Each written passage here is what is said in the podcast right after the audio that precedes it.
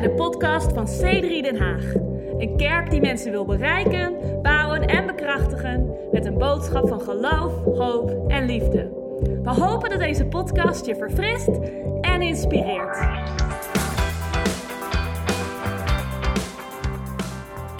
Ik wil beginnen met een tekst uit Spreuken 31, vers uh, 25.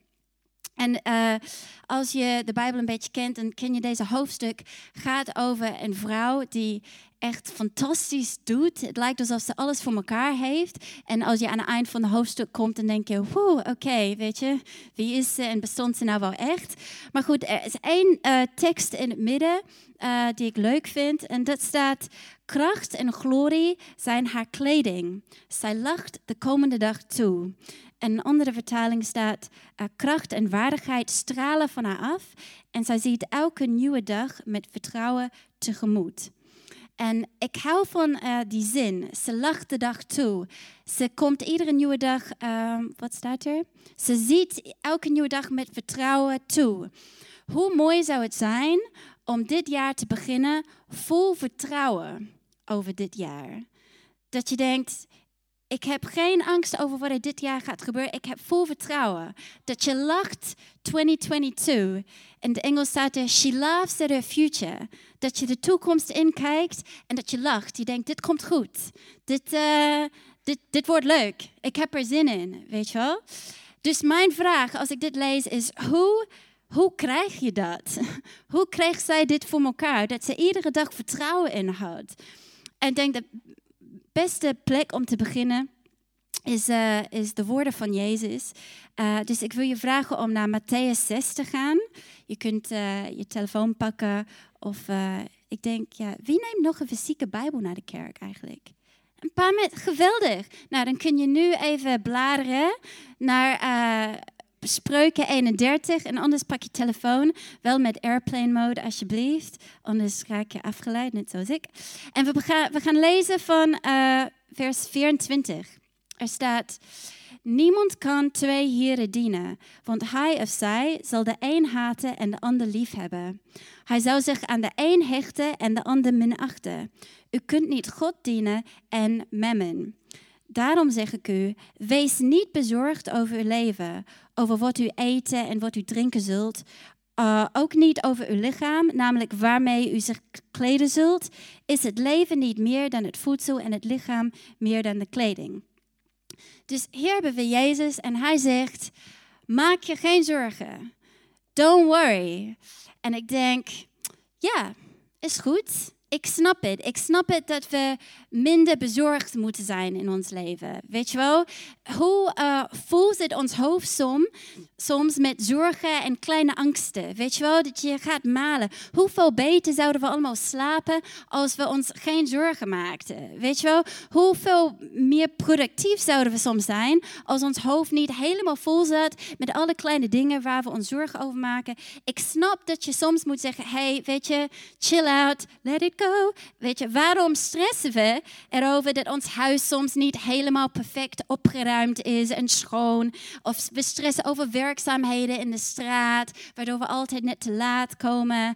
Oh nee, de koffie is op. Hoe kan ik de dag doorheen komen zonder koffie in de ochtend. Ik kan je vertellen, ik ben nu aan het vasten van koffie. Dus ik preek nu zonder een kop koffie te hebben gehad. Wie is onder de indruk? Hè? Of misschien denk je, oh, dat was het, Nicola. Hou me alsjeblieft nu een kop koffie. Doe het voor ons. Ja, ik hoop dat je dat niet hebt gemerkt. Maar uh, Weet je, koffie. We hebben het zo vaak over. Oh, koffie, koffie. En of we maken ons zorgen als onze favoriete spijkerbroek scheurt. Weet je, ik had serieus in de twee weken in december had ik in twee weken tijd vier spijkerbroeken, inclusief mijn lievelingsspijkerbroek, schuurde. En niet op een trendy plek, maar op een niet trendy plek. Oké? Dat was echt, uh, echt uh, een, een, een, diepe punt voor mij in december. Weet je, we maken ons zorgen over de tikkies waarop we nog niet hebben gereageerd. Of de mensen die ons gewoon de hele tijd appen. Of de deadlines die we hebben. Ik snap het. Jezus zegt, Maak je geen zorgen over al die dingen. Maar dan gaat hij verder en hij begint voorbeelden te geven. Hij zegt: Wees niet bezorgd over uw leven, over wat u eten en wat u drinken zult. Ik denk, hè? eten en drinken? Dat is toch best wel belangrijk, dacht ik. Weet je wel, dit zijn niet van die kleine dingen. Toch eten is wel echt een soort overlevingsding, uh, weet je wel. Maak je geen zorgen over eten. Ik dacht, misschien als je je zorgen gaat maken, dan maak je in ieder geval zorgen over iets belangrijks, zoals eten. Maar weet je, ik denk, je ziet hier, Jezus had gewoon een andere perspectief. En als je even terugleest, hij had net een 40 lange veer, hij had net 40 dagen gevast in de woestijn. Nou, weet je, ik vind 21 dagen vasten al moeilijk genoeg. En ik doe niet eens zonder eten, weet je. Gewoon geen koffie en een paar andere dingen, dan ben ik al uitgedaagd. Maar Jezus had dus een hele lange vast gedaan. En hij zegt, weet je, eten niet zo heel belangrijk. Eigenlijk kun je wel die maaltijd missen. Je kunt wel die kop koffie missen of uh, weet je wel, dat lekkere stukje vlees. Jij kunt het eigenlijk ook wel doen zonder de alcohol of de glasje wijn. Weet je, je gaat niet ervan dood. En daarom eigenlijk is vasten af en toe wel heel belangrijk. Het is eigenlijk super goed voor je. Om even je te herinneren aan het feit dat al die dingen die je denkt, oh, kan niet zonder, Eigenlijk kan je ook wel zonde. Het is minder belangrijk. Dus vasten geeft ons een andere perspectief. En dat is wat je hier ziet bij, bij Jezus. Hij zegt, ja, eigenlijk de dagelijkse dingen is niet zo heel belangrijk. Het is niet belangrijker dan leven. Het is niet belangrijk dan hij zegt, weet je, kleding is niet zo belangrijk als je gezondheid bijvoorbeeld. En uh, soms hebben we het gewoon nodig om even stil te staan bij wat echt belangrijk is in het leven. Soms helpt het ons wel. Mijn allereerste punt, en uh, ik heb uh, drie V's voor je vanochtend. Ik ben heel trots, drie V's in het Nederlands zelfs. De eerste is verander. Verander je perspectief. Jezus zegt, verander je perspectief op wat echt belangrijk is. Soms moeten we uh, daaraan herinnerd worden. Nou, ik had eigenlijk um, een paar jaar geleden een auto-ongeluk. En gelukkig eigenlijk, ja. Het was misschien de enige, oké, wel eens blikschade, zoals iedereen. Maar het was mijn enige ongeluk wat ik echt heb gehad in mijn leven. En het kwam grotendeels omdat me zoveel zorgen maakte over alles wat ik die dag moest doen, dat ik een bocht gewoon te snel nam. Oké, ik zal even uitleggen. Dus uh, die dag uh, zou ik eerst naar mijn werk gaan en we hadden een staafmeeting. En daarna zou ik in de middag naar een nieuwe stageplek beginnen op een nieuwe school en daar naartoe moeten rijden. En daarna zouden we die avond een jeugdkamp uh, beginnen. Dus ik had een hele volle dag en we hadden maar één auto. En ik had dus Lucas afgezet en we waren een klein beetje laat. En ik zat op de A9 bij Amsterdam. En ik dacht, oh man, dan kom ik weer te laat voor mijn staafmeeting. En zou mijn baas het helemaal niet leuk vinden. En er was altijd er is een bocht in de A9 die bijna 360 uh, graden is. En je moet het op zo'n 50 kilometer nemen. En ik nam het altijd keurig aan de rechterkant. Terwijl alle auto's langs me heen gingen. Weet je, ik was een van die langzame auto's, langzame, veilige auto's. Maar vandaag dacht ik, weet je wat, vandaag ga ik een van die auto's zijn aan de linkerbaan die de andere auto's inhaalt. En uh, ja, weet je, ik ben ervan overtuigd, als ik een betere auto had gehad, misschien een sportauto of zoiets, dan was het allemaal goed gegaan. Maar dit was een beetje, een beetje sloshy, had ook gevoeld eigenlijk. Een paar keer was mijn waarschuwing, had ik niet geluisterd. Ik voelde al een paar keer een beetje onstabiel was. Nou ik nam die bocht. Ik draaide echt uh, helemaal, ik, wat zeg je? Ik raakte de macht over de stuur kwijt, volledig. Ik had een van die freaky, langzaam momenten waar je denkt, dit is niet nu aan het gebeuren. En dan bots tegen de vangrail. En ik eindigde keurig op mijn baan, maar gewoon de andere kant op. En ik veroorzaakte gelijk een hele lange file op de A9. Voelde ik me zo schuldig voor al die arme mensen in de auto. En dan kwam mam naar me toe, helemaal aan de telefoon van kom, kom, kom. Nou, Gelukkig geen botsen gebroken. Die, die, die ambulancevrouw zei dat ik echt uh, enorm veel geluk had gehad. Maar ik kan je vertellen, ik was niet uh, laat bij mijn staafmeeting die dag. Ik was helemaal niet bij mijn staafmeeting. En ook niet op mijn werk en ook niet op mijn stageplek. Allemaal moeten afzeggen. En ik moest van, de, van, die, van die verpleegster gewoon naar huis gaan en de hele dag gewoon thuis blijven vanwege alle adrenaline in mijn lichaam. Maar de auto was natuurlijk totaal los en we hadden geen geld, dus we waren zes maanden zonder auto. En als ik nu terugdenk, denk ik, weet je, voor die paar minuten stressen over, oh, ik kom twee minuten te laat op mijn werk. Het was het gewoon niet waard. Weet je, je veiligheid, ja, het klinkt nu als een hele oude vrouw, maar goed, dat gebeurt na een paar van dit soort ervaringen in het leven. Ja. Weet je, veiligheid is toch veel belangrijker. Um, dat, dat, je, dat je gezond bent is veel belangrijker. En laten we dit jaar beginnen juist om dankbaar te zijn met de kleine dingen, of misschien juist de grote dingen. Dat we er zijn. Kijk naar je. Je bent er. Je hebt van alles overleefd om hier te zijn. Rachel, um, ik weet niet of ze hier is, ze had een hele mooie post uh, gedaan op Facebook. Uh, net voor de kerst. Van, weet je, doe niet zo, wees niet zo uh, streng voor je oude zelf. Weet je, iedereen wil veranderen. En je wordt, want je oude, de oude jij heeft veel, jij hebt veel overleefd om hier te kunnen zijn. Om, weet je, en je zit er en we hebben kleding op ons rug en je adem in onze longen en ik hoop een beetje eten in je buik. En je bent er en laten we er dankbaar voor zijn. Weet je, en we zijn ook veilig hier in Den Haag. En soms moeten we even een soort switch maken van, weet je, die kleine dingen. Ik ga het gewoon loslaten. Ik ga de woorden van Jezus opvolgen en een nieuwe perspectief nemen op mijn leven. En een paar dingen gewoon loslaten. Weet je wat ik hier ook in lees? Jezus zegt, uh, don't worry, weet je, maak je geen zorgen.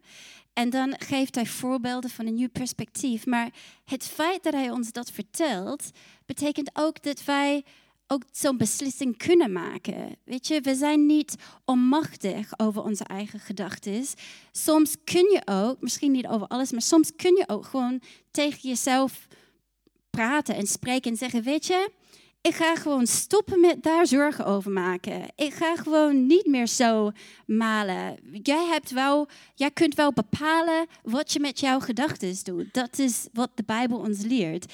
En dat is zo'n um, mooie tip. Dat is echt like mental health teaching right there. Weet je, voor je, voor je leven. Het is gezond om soms te zeggen laat het los, inderdaad. Ik ga gewoon hier niet over, geen zorgen meer over maken. Dus dat is het eerste, uh, eerste punt, is verander je perspectief uh, over wat, weet je, wat is echt belangrijk. Dus ik hoop als je nadenkt over de zorgen waar je vandaag mee naar de kerk bent gekomen, dat je alvast één of twee gewoon eraf kunt uh, strepen van, weet je, dat, uh, dat laat ik los en dan voel je je gelijk wat lichter. Dus nu gaan we over naar um, de rest van de zorgen. Ik zei toch, ik ben bezig voor alle zorgen, weet je wel, af te, uh, te behandelen voor dit jaar. Um, voor mijn volgende punt, ik wil even teruggaan naar die tekst waar ik mee begon. Over die vrouw die haar toekomst steeds toelachte, die vol vertrouwen had in het midden van de dag. Want toen ik naar die tekst keek en ik dacht, hoe doet ze dat? Uh, begon ik meer daaromheen te lezen. Weet je, de teksten daarvoor en de teksten daarna. En dan, uh, toen kwam ik deze tekst tegen. Dit is uh, 31, 17 en 18. Er staat, vlijtig gaat zij aan het werk. Zij is met opgestroopte mouwen aan de slag. Ze merkt dat haar werk vruchten afwerpt en het is dan ook vaak nacht voordat ze gaat slapen. Er is een andere vertaling, staat, zij had Oh nee, nee, dat is niet een andere vertaling. Dat was gewoon de vertaling die ik koos. Ze stroopt haar mouwen op en ze gaat aan de slag. Uh, de Engelse vertaling zegt, uh, ze is vol energie en ze werkt hard. En opeens had ik een soort uh, een flash moment, een, een ingeving, waar ik zeg, deze vrouw, zij had vertrouwen in haar dag, in haar toekomst, omdat ze het harde werk had gedaan. Ze had een plan gemaakt en ze had hard gewerkt. En daarom had ze vertrouwen in wat de dag kan brengen. En ik begon na te denken over hoe. Dit is een beetje gek als we het hebben over rust en dan begin ik gelijk over hard werk. Maar eigenlijk gaan die twee dingen hand in hand samen. Het is zo belangrijk in het leven om hard te kunnen werken en om goed te kunnen uitrusten. En de meeste van ons zijn heel goed in de ene en niet zo goed in de ander.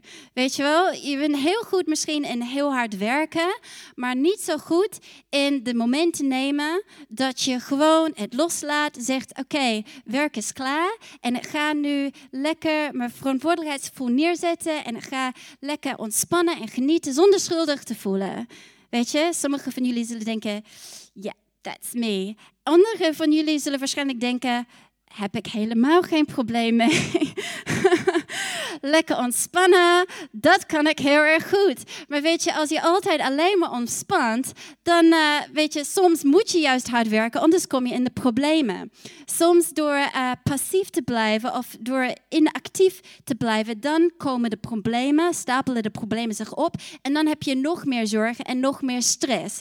Bijvoorbeeld de avond uh, voor een grote examen of een presentatie is misschien weet je, niet het moment om te zeggen, weet je, ik schakel lekker mijn verantwoordelijkheidsgevoel uit en ik ga gewoon no worries, weet je. Misschien moet je juist actie ondernemen en als je het harde werk hebt gedaan, dan uitschakelen. Dus uh, soms zijn de zorgen er eigenlijk om ons te stimuleren tot actie. Je hebt het vast wel meegemaakt dat je soms denkt, oh, je hebt iets en het blijft gewoon zuur. Ik denk, ja, weet je, ik maak me hier zorgen over. En dan op het moment dat je met een plan komt, je denkt, oké, dit is wat ik eraan ga doen. Ik ga dit doen en dan dit doen en dat doen. En dan op het moment dat je een plan hebt, dan voel je een stuk beter. Wie herkent dat? Er zijn sommige dingen waar je misschien zorgen over maakt en jij kunt er wat aan doen. Dus kan ik je vanmiddag, uh, vanochtend bemoedigen om er iets aan te doen. Jij bent niet machteloos over alles in je leven. Weet je wel, als er iets is, als het je echt ongelukkig maakt, als je echt denkt, ja, ik maak me zorgen, misschien kan jij iets doen uh, om dat te veranderen. Met God uh, natuurlijk. Want uh, wanneer we het harde werk hebben gedaan, dan kunnen we uitrusten. Dan komt het moment van rust, waar je weet, hey, het is oké, ik kan het nu loslaten, want ik heb alles gedaan uh, wat ik wilde doen. Dit heb ik vaak uh, zelf, um, bijvoorbeeld bij dingen die kapot gaan in het huis. Weet je, we hadden eh, vlak voor de kerst moest ik de waterfilter vervangen in de koelkast en uh, een licht in onze woonkamer ging uit. Nou, de waterfilter is al eerder, was eerder op, uh, dus ik wist precies wat ik moest gaan doen. Gewoon, weet je, naar de oude bestelling, herhalen, bestellen, boom, in, installeren. Het is opgelost. Je had natuurlijk een paar dagen dat je denkt, oh, ik moet het nog doen, oh, ik moet het nog doen, oh, ik moet het nog doen. Oké, en dan je doet het en je voelt je gelijk een stuk beter. Maar dat licht in de woonkamer, nou, ik, wat moet ik daarmee doen? Ding werkt niet misschien nog een keertje proberen. Nee, werkt nog steeds niet. Dus dat moet ik even uitzoeken. Weet je, wat is de volgende stap? En misschien weten jullie dat, kun je naar de dienst me even daarmee helpen. Maar soms weet je gewoon, het blijft een grote drempel. Terwijl als je het even weet, oké, de volgende ding wat ik moet doen is een electrician zoeken, bijvoorbeeld. Weet je, en dan opeens gaat het van een groot probleem tot een kleine probleem. Je denkt, dat kan ik doen. Dus dit zijn gewoon wijze woorden van, uh, van spreuken. Deze vrouw, ze deed het harde werk en daardoor had ze vertrouwen in, had ze vertrouwen in en had ze rust uh, in hoe ze het jaar tegemoet kwam. Dus, uh, dus dat, dat werkt voor sommige dingen. Dus ik hoop dat je nog meer dingen van je lijst kunt afstrepen. Maar het werkt niet voor alles. Want sommige dingen heb je natuurlijk geen uh, controle over. Dus mijn eerste was verander je perspectief. Mijn tweede was vooractie.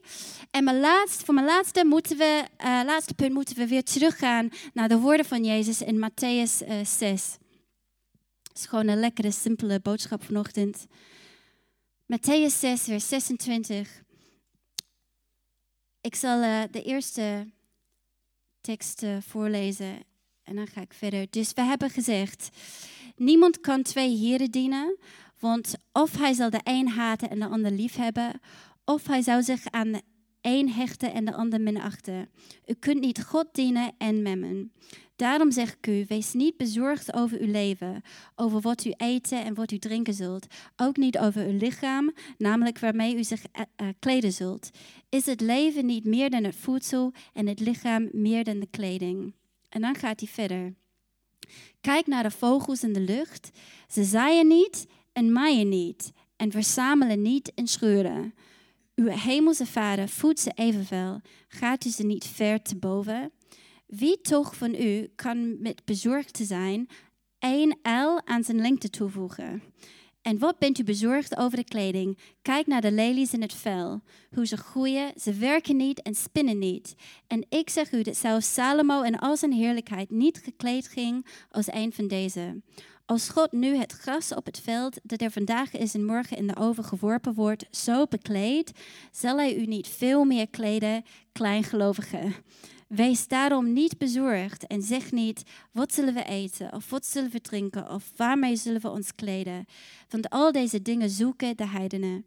Uw hemelse Vader weet immers dat u al deze dingen nodig hebt. Dus Jezus gaat weer verder over maak je geen zorgen.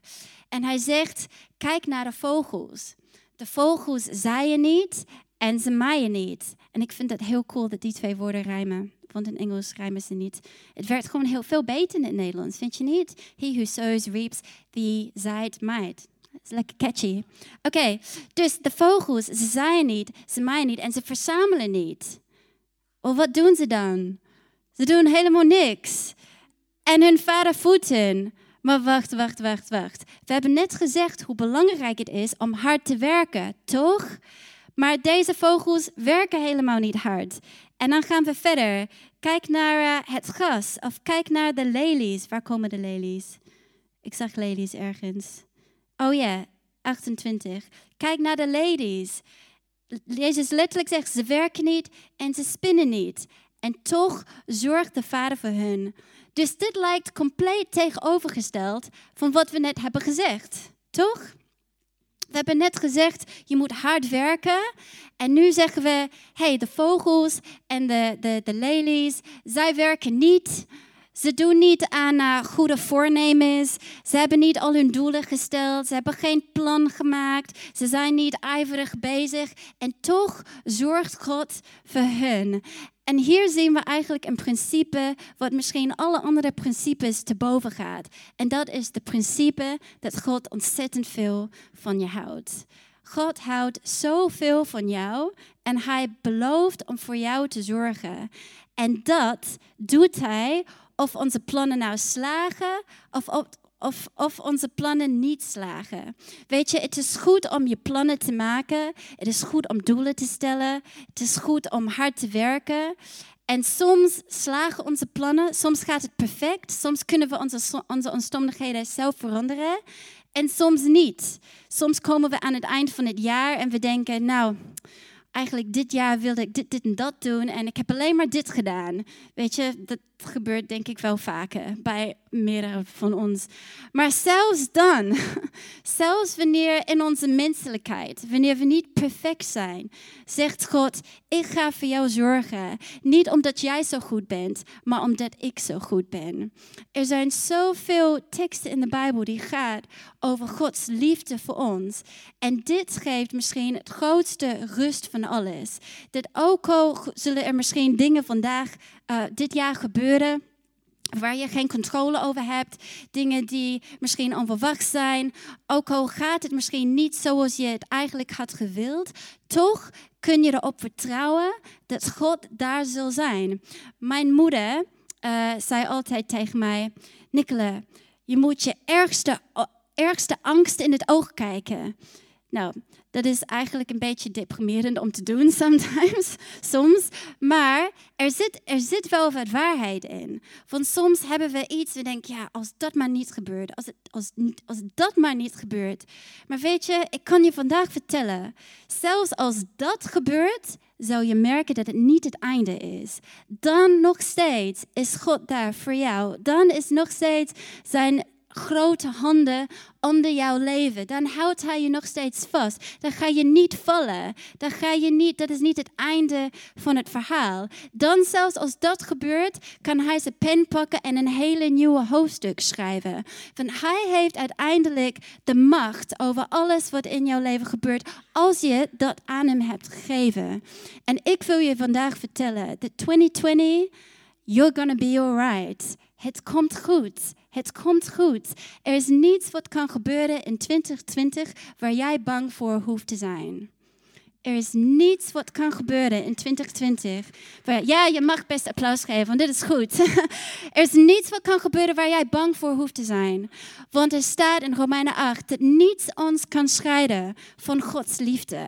Geen dood, geen leven, geen ziekte, geen gebrek, geen machten in hemel of aarde. Zijn liefde is altijd voor ons. En in Psalm 139 staat er dat zelfs als we vleugels spruiten en we gaan tot het einde van de aarde en we gaan wonen in de diepste donker van onder de zee, weet ik veel, ergens, zelfs daar kan God ons vinden en kan God ons helpen.